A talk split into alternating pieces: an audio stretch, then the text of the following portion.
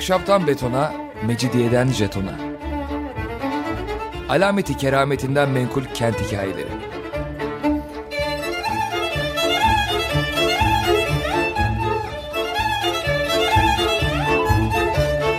Hazırlayan ve sunan Pınar Erkan.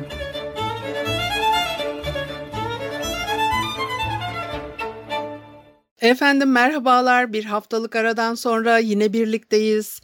95.0 frekanslı açık radyoda ahşaptan betona, mecidiyeden jetona. Tam şu anda başlamış bulunmakta. Anlatıcınız ben Pınar Erkan.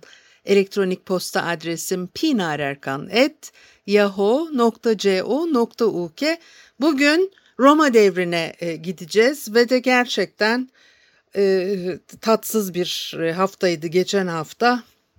E, tatsız haftalar arka arkaya gidiyor.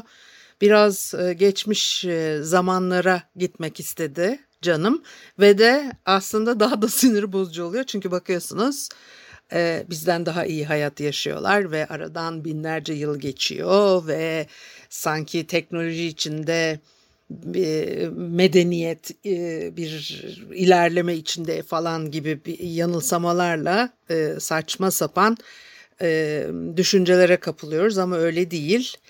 o da insana umut verecek bir şey mi yoksa sinir bozucu bir şey mi bilmiyorum artık. Şimdi Tunus Roma İmparatorluğu için zeytinyağı kaynağı ve çok önemli bir kaynak.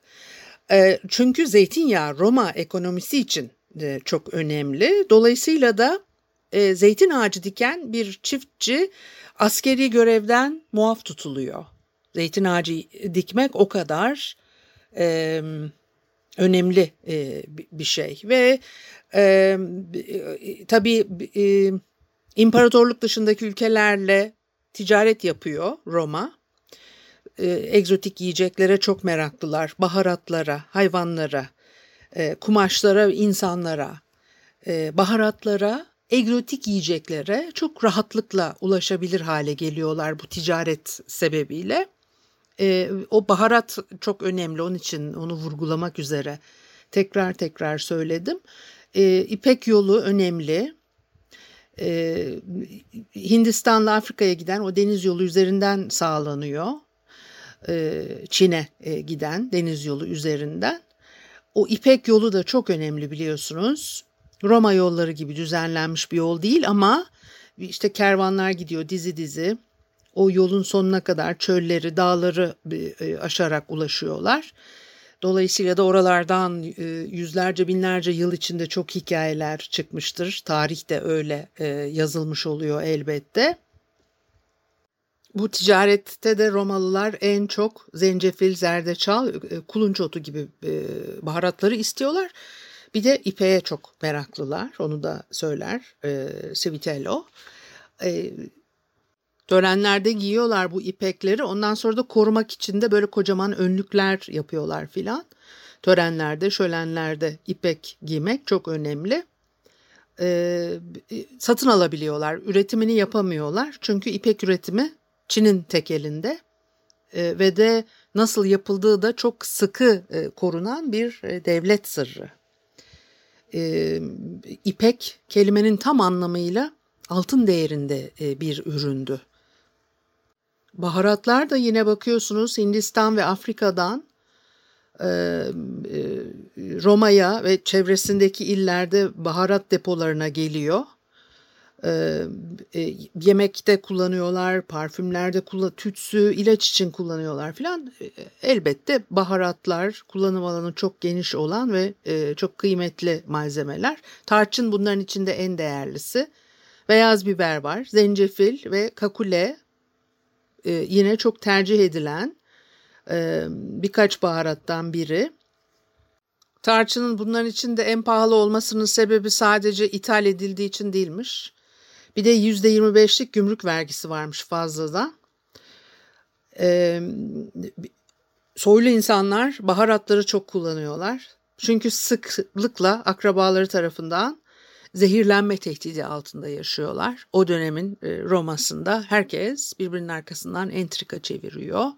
O soylular da ülkenin yönetiminde söz sahibi olmak için birbirlerinin e, üstüne basa basa e, o ent, bir, yani e, Bizans entrikası falan denir. Aslında tabii e, Roma entrikası ve de bir dönem özellikle o Pax Romana'dan sonra arka arkaya bir sürü çatlak çutlak e, deli e, imparator başa geldiği için e, türlü sapıklıklar e, e, kafadan sakat neyse e, çok acayip huyları e, olan e, imparatorlar ve o süreçte ve de zaten o sürece gelmeden önce de işte biliyorsunuz Sezar'ın sen de mi e, Brutus demesi e, daha önce imparatorluktan önce başlamış olan e, bir süreç zaten o. Dolayısıyla da böyle bir e, zehirlenme e, tehdidi altında yaşıyor soylular sürekli olarak. E, e, ve şöyle düşünüyorlar yani o bütün baharatları bir araya getirdiğiniz zaman insanoğlunun bildiği e, neredeyse e, e, en güçlü zehrin bile etkisini yok edecek bir panzehir ortaya çıkacak baharatlar bir araya getirildiği zaman diye düşünüyorlar. Bir de tarçını e, özel ölü yakma seremonilerinde e, yanık et kokusunu perdelemek için kullanıyorlarmış. Tey tey tey e, bambaşka bir toplum yapısı. Gerçi bambaşka bir toplum yapısı diyorum da şunun şurasında ne bileyim ben 30 yıl desek e, uygun mudur? E, dünyada öyle değil miydi? Şimdi bütün e, anlayışlar e, farklılaştı filan böyle başka türlü bir yere doğru gidiyoruz. O karabiber lüks tüketim listesine dahil değil yalnız onu söyleyeyim. Çünkü o bir e, ihtiyaç e, olarak düşünülüyor. E, başka e, lüks malzemeler var gümrük vergisine takılan mesela işte ipek gibi, yün, pamuk gibi. Bir de üst sınıfa özgü o mor kumaş var. Mor rengin nasıl üretildiğiyle de ilgili çok enteresan e, videolar var ya belki onlara da ulaşabilirsiniz merak ederseniz. E, bir de meraklılar erkek aslan, dişi aslan, leopar, panter bunlara meraklılar. Ayrıca da elmas, zümrüt, inci, firuze en kıymetli mücevherler arasında. Sonra 301 senesinde Diokletian birden şak diye bu maddelerin çoğu için olabilecek en yüksek fiyat uygulamasına geçiyor. neden yapıyor bunu? Roma parası giderek değer kaybediyor bu süreçte. O ürünlerin fiyatlarını e, sürekli arttıran denetimsiz bir enflasyon söz konusu. İşte onu durdurma çabası içindeymiş. Bilmem tanıdık geldi mi size de? Tarçın e, ticareti çok önemli ya o da Arapların tek elinde ve de Romalılara kaynaklarını söylemek istemiyorlar. Tarçını nereden aldıklarını söylemek istemiyorlar. Bunun için de çok acayip hikayeler anlatıyorlarmış.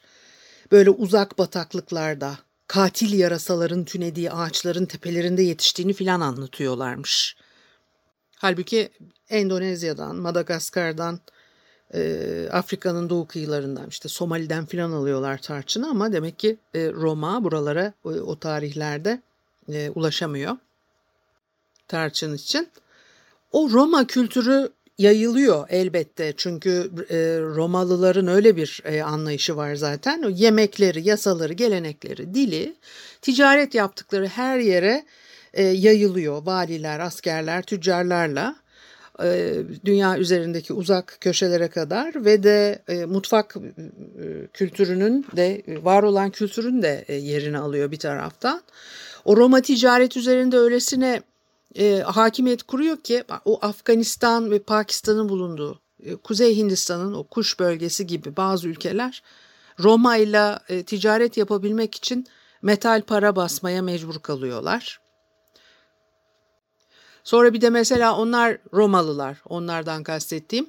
Romalılar hangi tür elmayı tercih ediyorlarsa, e, o ne bileyim ben vilayetlerde diyelim işte bu adını saydığımız yerlerde e, elma nerede yetişiyorsa yerel türü değiştirip kendi e, istedikleri, tercih ettikleri türde elmayı e, yetiştirmeye yöneltiyorlarmış. Mesela milattan önce 200 yılında Romalılar e, Britanya'da elma bahçeleri oluşturmuşlar. Roma'nın bahçecilik, aşılama, budama bilgisi de yayılıyor. E, İtalyan şarapları yine vilayetlere kadar yayılıyor ve Yunan şaraplarının da yerini alıyor. E, e, İtalyan üzüm bağlarında Yunanların üretemeyeceği oranlarda şarap üretiliyormuş. Mesela nedir? E, 4000 metrekare başına 60 bin litre şarap. Yunanların üretemeyeceği bir miktar. Bunu Romalılar üretebiliyor. Dolayısıyla da her yere e, yayılıyorlar. Şarabın en erken izleri Zaros dağlarında milattan önce 8500 ila 4000 yılları arasında mesela e, karşımıza çıkıyor. Gül yaprağı şarabı ihraç ediyorlar. Milattan önce 4000 e, yılında İran'da. E, yöneticilerin e, mezar odasında şarap küpleri varmış Mısır'da. Milattan önce 3150'li yıllarda.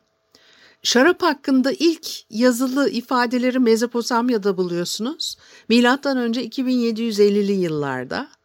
Yine e, e, aşağı yukarı bir 500 yıl şarapla ilgili birçok şeyle karşılaşabiliyorsunuz ve de Hammurabi kanunları meyhaneleri düzenliyor. Mezopotamya'da yine.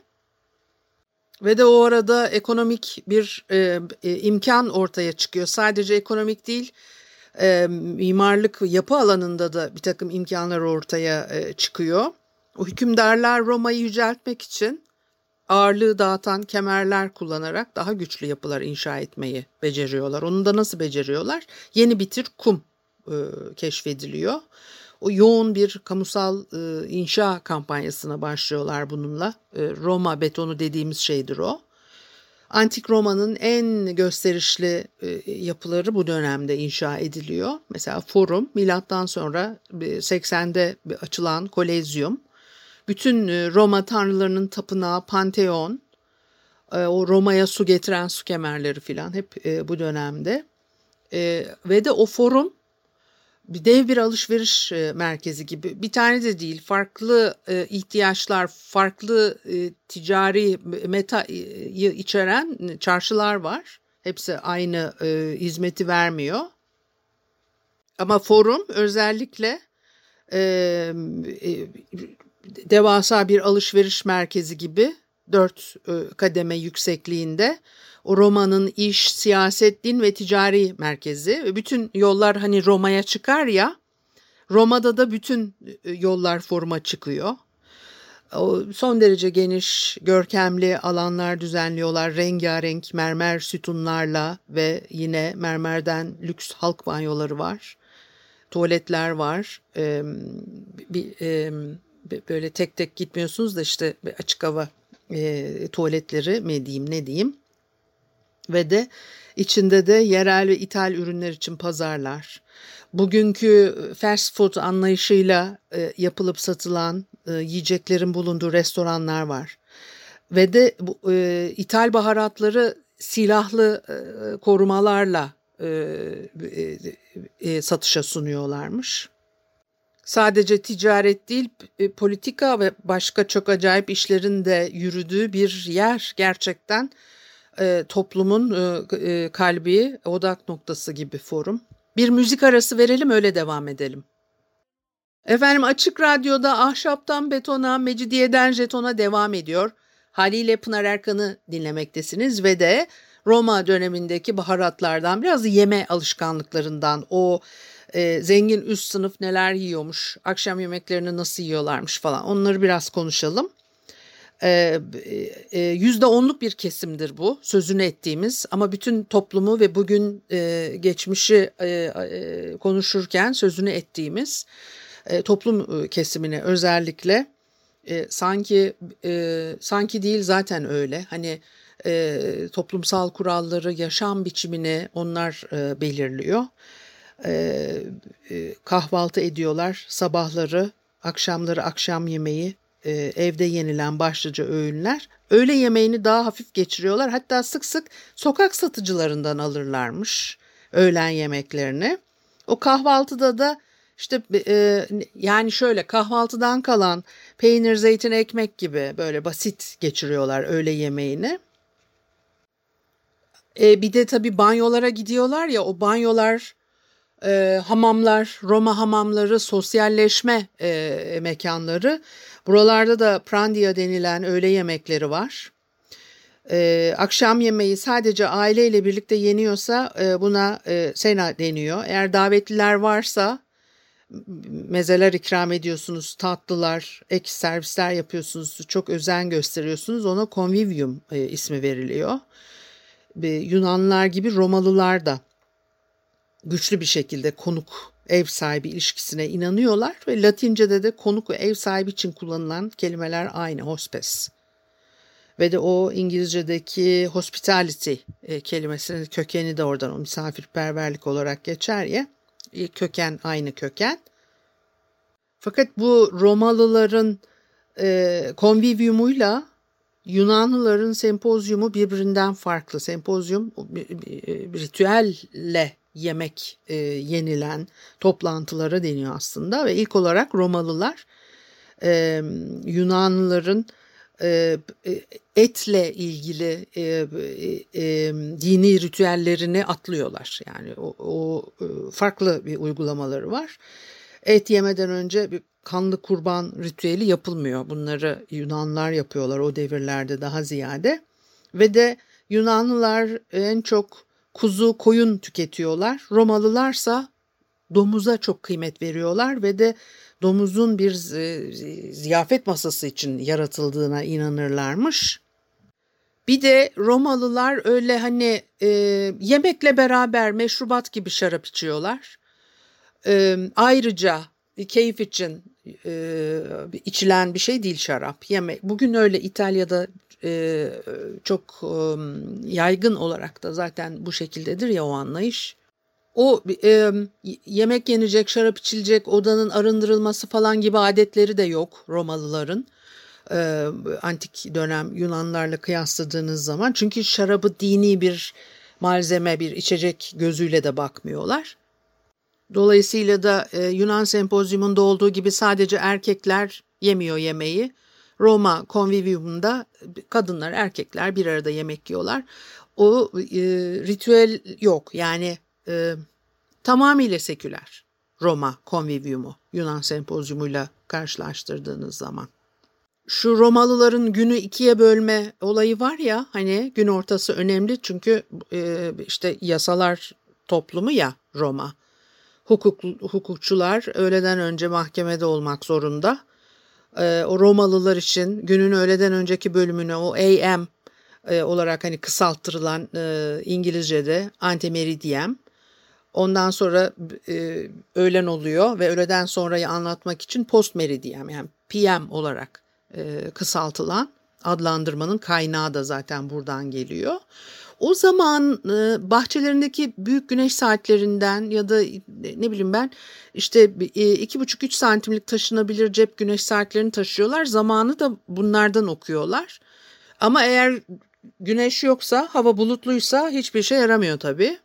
Bir de kap üzerine çizilen e, çizgilere karşı suyun akıntısını ölçen su saatleri varmış. Bunu yedek olarak kullanıyorlar. Ama taşınabilir bir şey değil tabii ki. Dolayısıyla o e, zamanı her zaman e, doğru ölçemediklerini de tahmin etmek zor değil herhalde.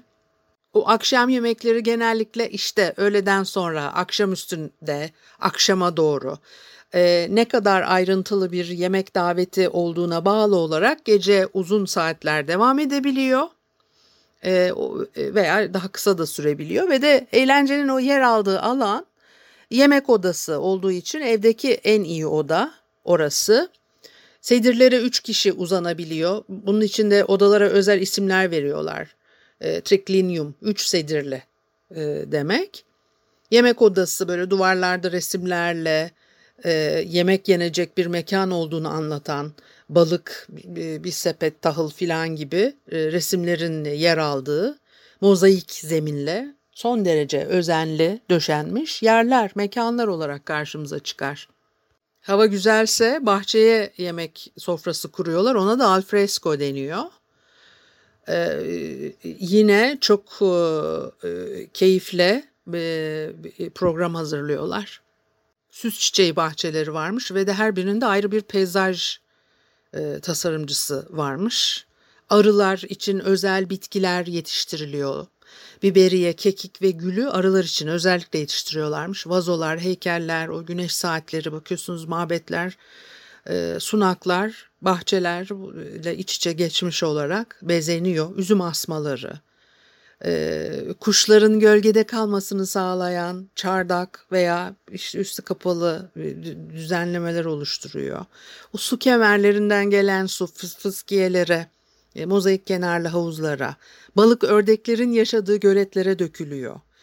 Bir de evin dışındaki triklinyum e, e, mermer, çimento veya taştan yapılıyor sedirler böyle. Baş taraflarına da yumuşak yastıklar konurmuş. O sedir üzerine yapılan bir çıkıntı var. O çıkıntıyı bardak koymak için kullanıyorlar. Hani böyle yattığınız yerden, uzandığınız yerden e, e, kraliyet gerisini dinlendirirken rahatlıkla şarabına, içeceğine ulaşabilecek yani o keyfi de e, yaşayacak elbette. Dolayısıyla bazı sedirler küçük bir havuzun etrafına yapılıyor. Böylelikle ne yapıyorlar dersiniz? Yemek e, tepsileri o havuz suyunun içinde yüzdürülüyor. Su yardımıyla eğer soğutulması gereken bir şeyse su yardımıyla e, soğutuluyor. Ee, bazen akşam yemeği için gelen konuklar bir kuleye tırmanıp manzaranın tadını çıkarıyorlar. Yemekten sonra dışarıda küçük bir odada uyuma sedirinin üzerinde siesta yapabiliyorlar. Ya da bir ağaç ev varsa eğer akşam yemeğini yine o ağaç evde de yiyebiliyorlar. Yani tercih size kalmış. Nedir? 2000 yıl önce yaşasaydınız bütün bunlar ve de tabii soylu olmanız gerekiyor. Halkın yüzde onu içinde olmanız gerekiyor. Bütün bunlar mümkündü. Bugün işte varlık içinde yokluk. O Romalıların yine bir de e, tıpkı günümüzde olduğu gibi sahil kenarında, gölde, dağlarda evleri var. Yazlıkları filan, dağ evi, e, e, çiftlik evi. Genellikle Roma'nın e, yakınında yer alıyormuş e, bu e, tatil için kullandıkları evler. Edinlenecekler, manzaradan faydalanacaklar. Bir de genç Plinius'u biliyorsunuz çok meşhurdur. Zaman zaman adını anmışlığım vardır. 30 e, odalı bir konağı varmış. Köleler için de yatacak yer sağlıyor. Ve de o 30 odalı konak için benim küçük villam betimlemesini yapıyor. Böyle ifade ediyor. 30 odalı bir konak yani ya kinaye yapıyor bilmiyorum artık şimdi o öyle dedi diye 30 odalı konak demek ki küçük sayılıyormuş diyebilir miyiz? Bence diyemeyiz. O işte öyle e, alçak gönüllü e, davranıyormuş herhalde böyle söyleyerek. Neyse aslında kibirle kendini övüyor da lafın gelişi öyle söyledim. Bilmiyorum açıklama yapmama gerek var mıydı? Yemek odasının üç taraftan e, denize bakan pencereleri var, kapıları var. Cam çok pahalı o devirlerde. Dolayısıyla da e, cam yerine pencerelerde genellikle mika kullanıyorlar. E sadece duvara açılan, panjurlarla kapatılan delikler eğer mika bile kullanamıyorlarsa. Onun için bu dönemlerdeki böyle yapıları, evleri filan e, günümüzdeki gibi tamamen e, camlarla kapatılmış korunaklı e, dışarısını çok rahat algılıyorsunuz filan öyle düşünmemekte fayda var. Biz bilgileri de e, ayrı kompartmanlar halinde tutuyoruz ve e, transfer etmiyoruz ya veya karşını yani ağaçları öğreniyoruz teker teker ama o ağaçları kullanarak ormanı e, görebilmek önemli bir şey. Bunu yapmıyoruz e, genellikle. Halbuki e, bugünden geçmişe baktığınız zaman e, pencere yok. Yani pencere var da camı yok. İçeri rüzgar da giriyor, soğuk da giriyor veya bunun için işte camlar küçük tutuluyor. Çünkü ısınacak adam. Yani coğrafya, iklime, e, nerede yaşadığına da bağlı olarak değişir tabii. Ama genel olarak e, yazın dahi e, sıcaktan da korunmak için bir kapalı alana ihtiyacın varsa işte o cam ışık bu her zaman e, büyük bir ilerleme göstergesi yani. Binalarda camların yapılabilmesi yani boşlukların küçülmesi büyümesi. Mimarlık tarihi içinde de çünkü öyle ya mimarlık tarihi dediğiniz şeyde yapı inşasının tarihi değil mi aslında? Dolayısıyla o önemli. Ve de Plinius da yani öyle e, günün hangi saatinde, hangi mevsimde, hangi pencereden esinti alacak e, bütün bunların farkında, güneşin hangi yönden geleceğini de gayet iyi biliyor ve aynı zamanda da yerde yeşillik tahıl deposu ve e, bilinçli olarak fırının yanına yerleştirilmiş toprak üstü şarap deposu var. O Romalılar e, dumanın şarabın yıllanmasına yardım edeceğini e, düşünüyorlar. E, ve de villada yerleşik kitaplıklar, iki küvetli bir banyo var. Banyonun yanında banyo yağının sürüleceği ayrı bir oda var. Yani böyle bir yaşam biçimi. Mesela bir de Romalı Kato da yine e, tarım üzerine milattan önce 175 civarında e, bir eser birçok konu hakkında bilgi veriyor. Yani mercimeği nasıl saklamak e, gerektiğini de söylüyor bize. Bekçi köpeklerinin geceleri daha keskin olmaları için gündüz bağlanmaları gerektiğini de söylüyor. O ekmek, hasat ekipmanlarının bakımı nasıl yapılmalı filan birçok konuda bize bilgi veriyor. Tarım işçilerine nasıl davranacaksınız? Bir de yağ elde etme e, süreciyle ilgili olarak da zeytinler hakkında çok e, bilgi veriyor. Kato'nun otlu zeytinleri var onu söyleyeceğim ama ondan önce mesela diyor ki zeytinler olgunlaşır olgunlaşmaz mümkün olduğunca tabuk, çabuk e, toplanmalı ve yerde bozulabileceği için çok kısa bir süre toprak ya da e, taş zeminde kalmasına müsaade edilmeli. Bugün de zaten özellikle işte İtalya'da filan bizde tam nasıl topluyorlar bu zeytinleri bilmiyorum ama ağacın dallarından yere düşmeden toplanmasına önem e, verilir İtalya'da. En iyi zeytinyağların bu şekilde işleneceği düşünülür. O katonun otlu zeytinleri de e, tarif veriyor. Diyor ki yeşil, olgun, benekli zeytinlerin karışımı için e, çekirdeklerini çıkarmalısınız ve de eti doğrayacaksınız. Yağ, sirke, kişniş, kimyon, rezene, sedef otu ve nane ekleyeceksiniz. Topraktan bir tabakta yağ ekleyeceksiniz ve servis edeceksiniz. Efendim bu haftalıkta bu kadar olsun. Haftaya görüşene kadar hoşçakalın.